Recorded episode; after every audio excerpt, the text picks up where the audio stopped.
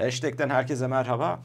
Seçimlere bir aydan az bir süre kala son açıklanan seçim anketlerini bu anketlerden yola çıkarak seçim sürecinin 5 kritik başlığına ve son olarak da giderek artan dolar TL'deki tartışmalara bakacağız. Gülener merhabalar, hoş geldin. Merhaba Sinan, nasılsın? İyiyim sağ ol, sen nasılsın? İyiyim ben de. İstersen hızlı bir şekilde anketlere dönelim. Evet. Bir aydan az bir süre kaldı ve anketler hızla gelmeye devam ediyor. Ee, milletvekili seçimlerine dair ve Cumhurbaşkanlığı seçimlerine dair son anketleri derledik. Ee, şimdi ikisinin de ortalamasını vereceğiz. Şunu hatırlatalım, seyircilerimiz de bunu söylüyor, yorumlarda da yazıyorlar. Ee, evet bu anket ortalaması e, bazı açılardan sağlıksız ama yine de birbirinden çok e, sapan, bulgular arasında ciddi boşluklar olan anketleri teker teker vermek yerine yine de ortalamalarının bir şey işaret edeceğini düşündüğümüz için bunu veriyoruz. Hemen milletvekili seçim anketlerinin ortalamalarına geçelim. Bunlar Nisan ayında yapılmış, son 15 gün içerisinde yayınlanmış 6 e, anket şirketinin araştırmaları. Bunun ortalamasına göre grafikte de şimdi görüyoruz. AKP'nin oy oranı 33,9, CHP 29,3, İyi Parti 11,4, Yeniden Sol ve Gelecek Partisi 10,1, Milliyetçi Hareket Partisi 6,4, Memleket Partisi 3,5, Türkiye İşçi Partisi 1,6, Yeniden Refah Partisi 0,9. Deva Partisi, Gelecek Partisi ve e, Saadet Partisi ve Demokrat Parti tabii ki e, CHP listelerinden girdikleri için e, bu tabloda yok. Şimdi son olarak gördüğümüz ortalama bu. İstersen bunun çıkarımlarımıza geçmeden önce bir de Cumhurbaşkanlığı tarafına bakalım. Evet, evet. Cumhurbaşkanlığı seçimlerinde de 7 anket şirketine baz aldık ve bu anket şirketlerinin Nisan ayında az önceki anketlerde olduğu gibi yayınlamış oldukları anketlerine baktık. Buna göre anket ortalamalarına baktığımızda Recep Tayyip Erdoğan %44.5, Kemal Kılıçdaroğlu %47.6, Muharrem İnce %6, Sinan Oğan 1.9 alıyor gözüküyor. Senin de söylediğin gibi ortalamaları baz alıyoruz bütün bu anketlerde ve Nisan ayında açıklanan tüm anket şirketlerine baz aldık. Bu anket şirketleri içerisinde yayınlamayan, açıklamayan ya da kamuoyuyla paylaşmayan anket şirketleri var. Haliyle onları baz alamadık. Ve şunu da belirtmek lazım. Geçmiş deneyimlerimizden birçok anket şirketinin geçmişte açıkladığı farklı verilerden e, sıyrılarak seçim sürecinde özellikle son bir aya girdiğimizde seçim gününe yaklaşırken olması gereken ya da e, seçimdeki asıl tabloyu yansıtan verilere gün geçtikçe yaklaştığını görüyor olacağız. Evet. E, geçmişte böyle olmuştu çünkü. Evet, evet çok doğru. O yüzden ee, özellikle şimdi milletvekili listeleri açıklandıktan sonra yeni yapılan anketler hem de, e, daha sağlıklı veriler verecek hem de gerçekten seçime senin de dediğin gibi çok az bir süre kaldığı için birçok anket şirketinin bulguları yavaş yavaş birbirine yaklaşmaya başlayacak ve belirli bir e, artık seçimin gerçek sonucuna yakın bir yerde e, rayına oturacaklar gibi gözüküyor. Bu arada şunu da hatırlatalım. İki grafiğimizde de hangi anket şirketleri olduğunu altta yazdık. E, izleyicilerimiz oradan bulabilirler. Şimdi bunlardan hareketle istersen e, hem kamuoyu araştırmacılarıyla konuştuk hem de bu anket bulgularını e, seninle beraber derledik. Beş tane e, dikkat etmemiz gereken kilit e, seçimin anahtarı diyebileceğimiz beş nokta e, ön plana çıkıyor. E, bunlardan ilkini istersen ben söyleyeyim sonra sözü sana bırakayım. E, şimdi bütün e, araştırmacılar şunu söylüyor. Az önce de buna aslında yakın bir şey söyledik.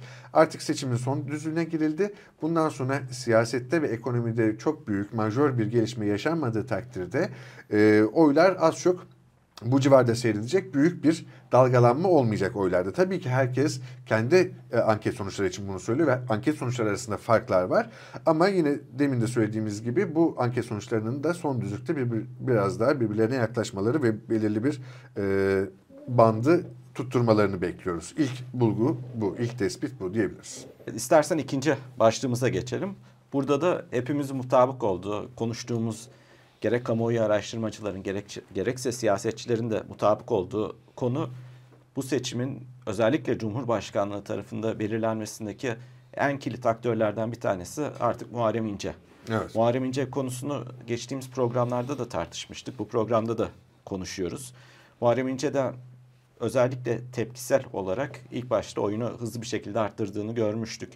Bizim son süreçte kamuoyu araştırmacılarıyla da siyasetçilerle de konuştuğumuzda oluşan beklenti bu oyun giderek azalması. Ee, şimdi belli anket şirketlerine baktığımızda da son iki aylık periyotta Muharrem İnce'nin hızla artan oyunun azalma eğilimine girdiğini görüyoruz. Bizim evet. de aslında beklentimiz böyle. Seçim gününe yaklaştıkça Muharrem İnce'nin oyunun azalması. Tabii burada bir sebep muhalif seçmenin seçim gününe yaklaşırken Erdoğan döneminin kapanması için oy tercihini değiştirebileceği. Hı hı. Diğer sebep ise Muharrem İnce'nin performansı ile ilgili. Son bir haftada özellikle Muharrem İnce'nin performansı çok tartışıldı. Evet. Senin de fikrini merak ediyorum ama şöyle de bir şey var. Babalı TV'deki programı var. Onun öncesinde farklı kanallarda da programlara katıldı Muharrem İnce. Ve bu programlarda gördüğümüz daha çok konuyu muhalefete ya da soruyu sorana tepki göstermeye çeviren evet. bir dile sahip oldu. Bir taraftan bu. Diğer taraftan da çok tartışılan bir konu. Erdoğan vari bir iletişim ya da bir görüntü sergiliyor sanki. Nagihan Alçı bu haftaki yazısında öyle bir şey söyledi. Seküler Recep Tayyip Erdoğan diye. Sen ne düşünüyorsun? Ee, haklısın. Yani Babala TV çekiminin programının tamamını yarın e, göreceğiz. Ama 9,5 dakikalık sanırım bir teaser yayınladılar. O teaser'da e, de daha çok Muharrem İnce'nin performansında daha e, öne çıkacak o agresif, e, sert, fevri anları e, kolajını yapmışlar. Orada gerçekten e, felaket bir tablo var. Tamamında nasıl olacağını göreceğiz demin de söylediğim gibi ama e, yani artık o bence Tayyip Erdoğan'a bu açıdan benzetilmesi bile e, bazen yersiz buluyorum ben. Çünkü her hiç kimseye benzemeyen bir e, fevrilik ve agresyon seviyesine ulaştı. Gerçekten herhangi bir soruyu, herhangi bir yani basit bir eleştiri dozunu bile kaldıramayıp e, çok sert, amiyane e, ve hakaretamiz şekillerde cevap veriyor. Bu da daha önce de konuşmuştuk senin dediğin gibi önceki programlarda da. Bu bir taraftan çeşitli konjonktürlerde parlamasının sebebiyken bir taraftan da seçime doğru bu agresifliği, bu e, siyaset yapış tarzı e, aynı şekilde dezavantaja dönüşebilir demiştik. Şimdi anketlerde yavaş yavaş bunu gösteriyor. Hatta e, araştırma şirketlerinin tahminleri e, seçime doğru bunun daha da azalacağı yönünde. Sen de bunun altını çizdin. Bunun bir sebebi Muharrem İnce'nin kendi siyaset yapış tarzı ama bir sebebi de e, tablonun gösterdiği. Şimdi biz de az önce gösterdik gerçekten Kemal Kılıçdaroğlu ile e, Tayyip Erdoğan arasındaki fark yaklaşık 3 puan. Öyle bazı anket şirketlerinin gösterdiği gibi Kemal Kılıçdaroğlu'nun alıp götürdüğü ya da Erdoğan'ın alıp götürdüğü bir seçim söz konusu değil. Bu durumda da şu anki anket ortalamasında Muharrem İnce'nin e, aldığı 6 puan oldukça kritik e, bir hal alıyor.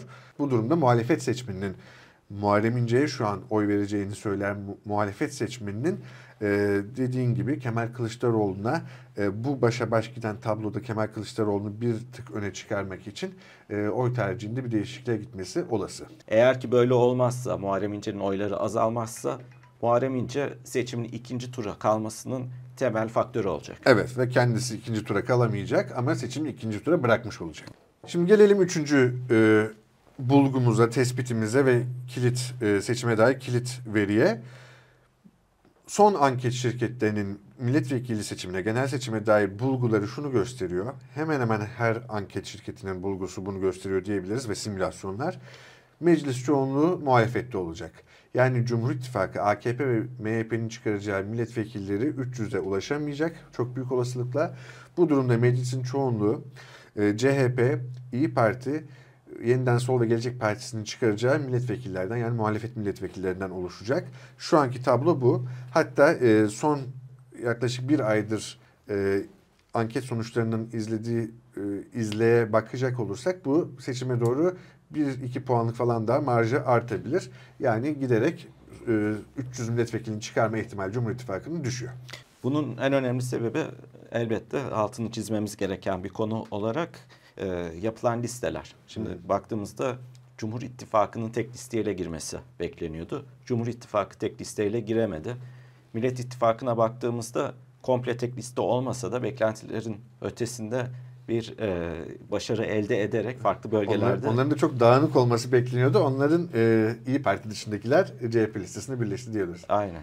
Bunun, bunun, bunun bir sonucu olarak da özellikle Cumhuriyet İttifakı tarafında tek listeyle girmediği için özellikle bazı bölgelerde milletvekili sayısı açısından ciddi bir kayıp yaşayacağı gözüküyor. Evet, evet.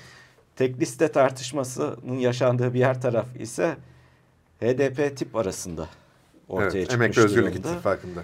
Şimdi burada tipin ısrarlı bir şekilde farklı bölgelerde kendi amblemiyle girmek istemesi artık araştırmalarda, simülasyonlarda ortaya koyuyor ki evet bazı bölgelerde Millet İttifakı'na gidecek oylardan ya da HDP'ye doğrudan gidecek oylardan kendisine oy çekiyor. Ama milletvekili açısından bir kayıp yaşanacak gibi gözüküyor. Evet, Değil mi? Evet, evet. Yani şunu artık söyleyebiliriz. Ee, Türkiye İşçi Partisi bu tercihinde ısrarcı oldu ama e, sonuç umduğu gibi olmayacak. E, milletvekili seçiminde gö- görünen o ki Türkiye İşçi Partisi CHP ve Yeniden Sol e, Gelecek Partisi'nden oy alacak ama bu milletvekili çıkarmaya yetmeyecek. Yani bu sadece aslında muhalefetin e, çıkarabileceği maksimum milletvekili sayısı potansiyelinden uzaklaşmasına e, yarayacak. O yüzden de aldıkları karardan e, kimse memnun değil. Türkiye İşçi Partisi memnun bilmiyorum. Paradoksal bir durum da yaratıyor. Ben rüzgarı arkama aldı. İşte güçlü bir parti olacağım. Dolayısıyla hamlemi göstermek istiyorum gibi bir tutum içerisine giriyorsun. Diğer taraftan senin bugüne kadar güçlenmenin temel sebebi meclisteki milletvekillerinin sesini duyurması işte farklı olaylarda ön plana çıkman. Ama bu sürecin sonunda milletvekili sayısı bakımından potansiyel olarak ulaşabileceğin çok altında bir rakamla sü- süreci tamamlamış olacaksın. Şu çok enteresan Sinan bence. Bu uzun zamandır seçim süreci içerisindeyiz. Farklı siyasi partiler farklı şartlarda şunu tecrübe etmiş oldu. Anketlere ve sosyal medyadaki varlığa dayanarak kendini olduğundan büyük gören e, siyasi partiler ya da aktörler bunun sonucunda aldıkları kararlardan her, hep dezavantajlı çıkıyor. Bunu İyi Parti de yaşadı, e, Türkiye İşçi Partisi de yaşadı, e, Memleket Partisi ve Muharrem İnce bunu hala yaşıyor. E, CHP'nin içinden kopmuş ve parti kuran birçok aktör de yaşadı geçmişte. Evet çok doğru. Ee, o yüzden bunu artık seçime çok az bir zaman kaldı ama en sonunda sanıyorum Memleket Partisi'nde de e, bu tecrübeyi hep beraber yaşayacağız. Tabii burada ortaya çıkacak bir diğer noktada bu hafta boyunca hep kendi içimizde tartıştık hem de araştırmacılarla tartıştık. Eğer ki Kılıçdaroğlu Erdoğan makası çok dar olursa özellikle fark belli bir seviyenin altında kalacak olursa seçim güvenliği her zaman çok önemli. Evet. Ama özellikle bu seçimde daha da önemli bir hale gelecek. Evet, evet çok doğru. Ee, üstelik Doğu Anadolu ve Güneydoğu Anadolu'da seçim güvenliğine dair önemli tartışmalar var. Çünkü e, bilindiği gibi o seçim bölgesinde bir önceki seçimde en çok oy almış 5 partinin e, üyeleri e, sandıklarda görevli olabilecek. Bu durumda e, HDP bir önceki seçimde orada büyük partilerden bir tanesiydi ama HDP seçime girmediği için yeniden solda gelecek partisi çatısı altında gelecekleri için e, seçim güvenliğinde o parti, o teşkilat içerisinde rol alamayacaklar.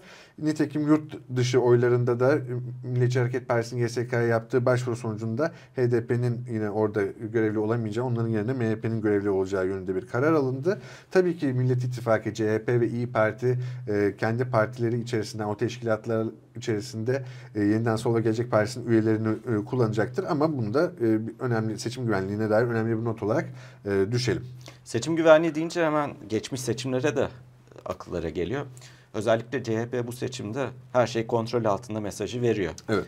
Ee, bunun karşısında bunu eleştirmeye yönelik ortaya çıkan argümanlara baktığımızda ise CHP her seçim böyle söylüyor zaten.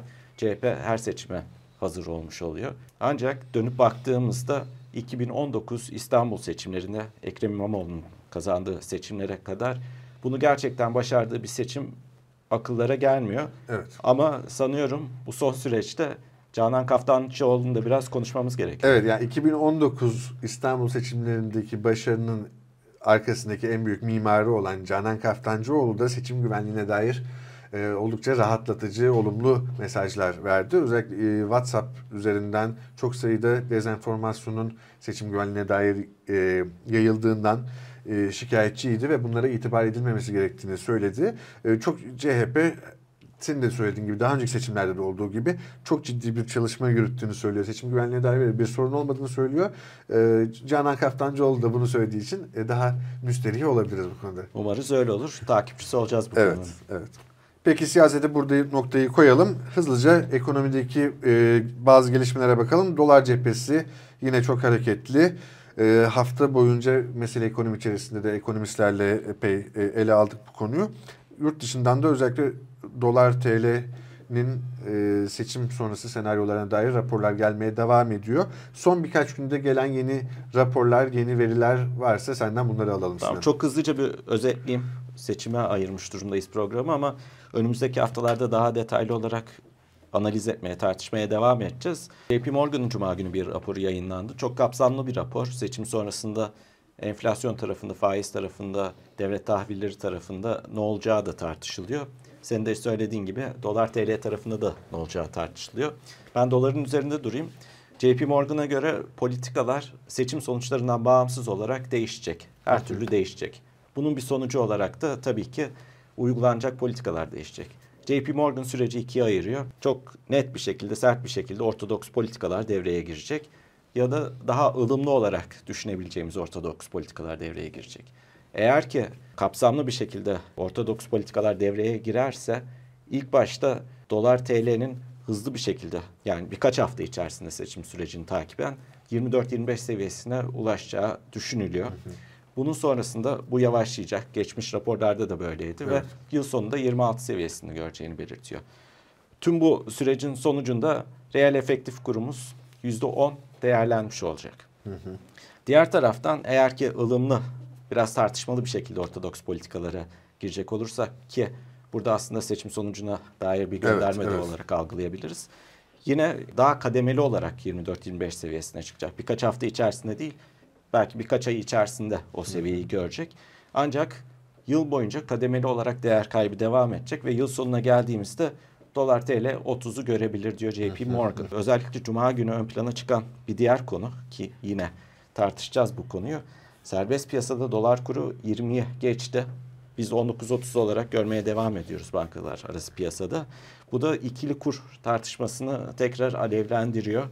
Bunun da takipçisi olacağız ve programlarımızda mesele ekonomide hafta boyunca tartışacağız evet, bu konuyu. Çünkü iki kur arasındaki fark çok açıldı şu an. İkili kur arasındaki fark özellikle serbest piyasa, bankalar arası piyasa arasındaki orana baktığımızda yüzde üç buçuğu geçmiş durumda evet. ki bu hiç olmadığı bir seviye. Evet, evet çok büyük bir seviye.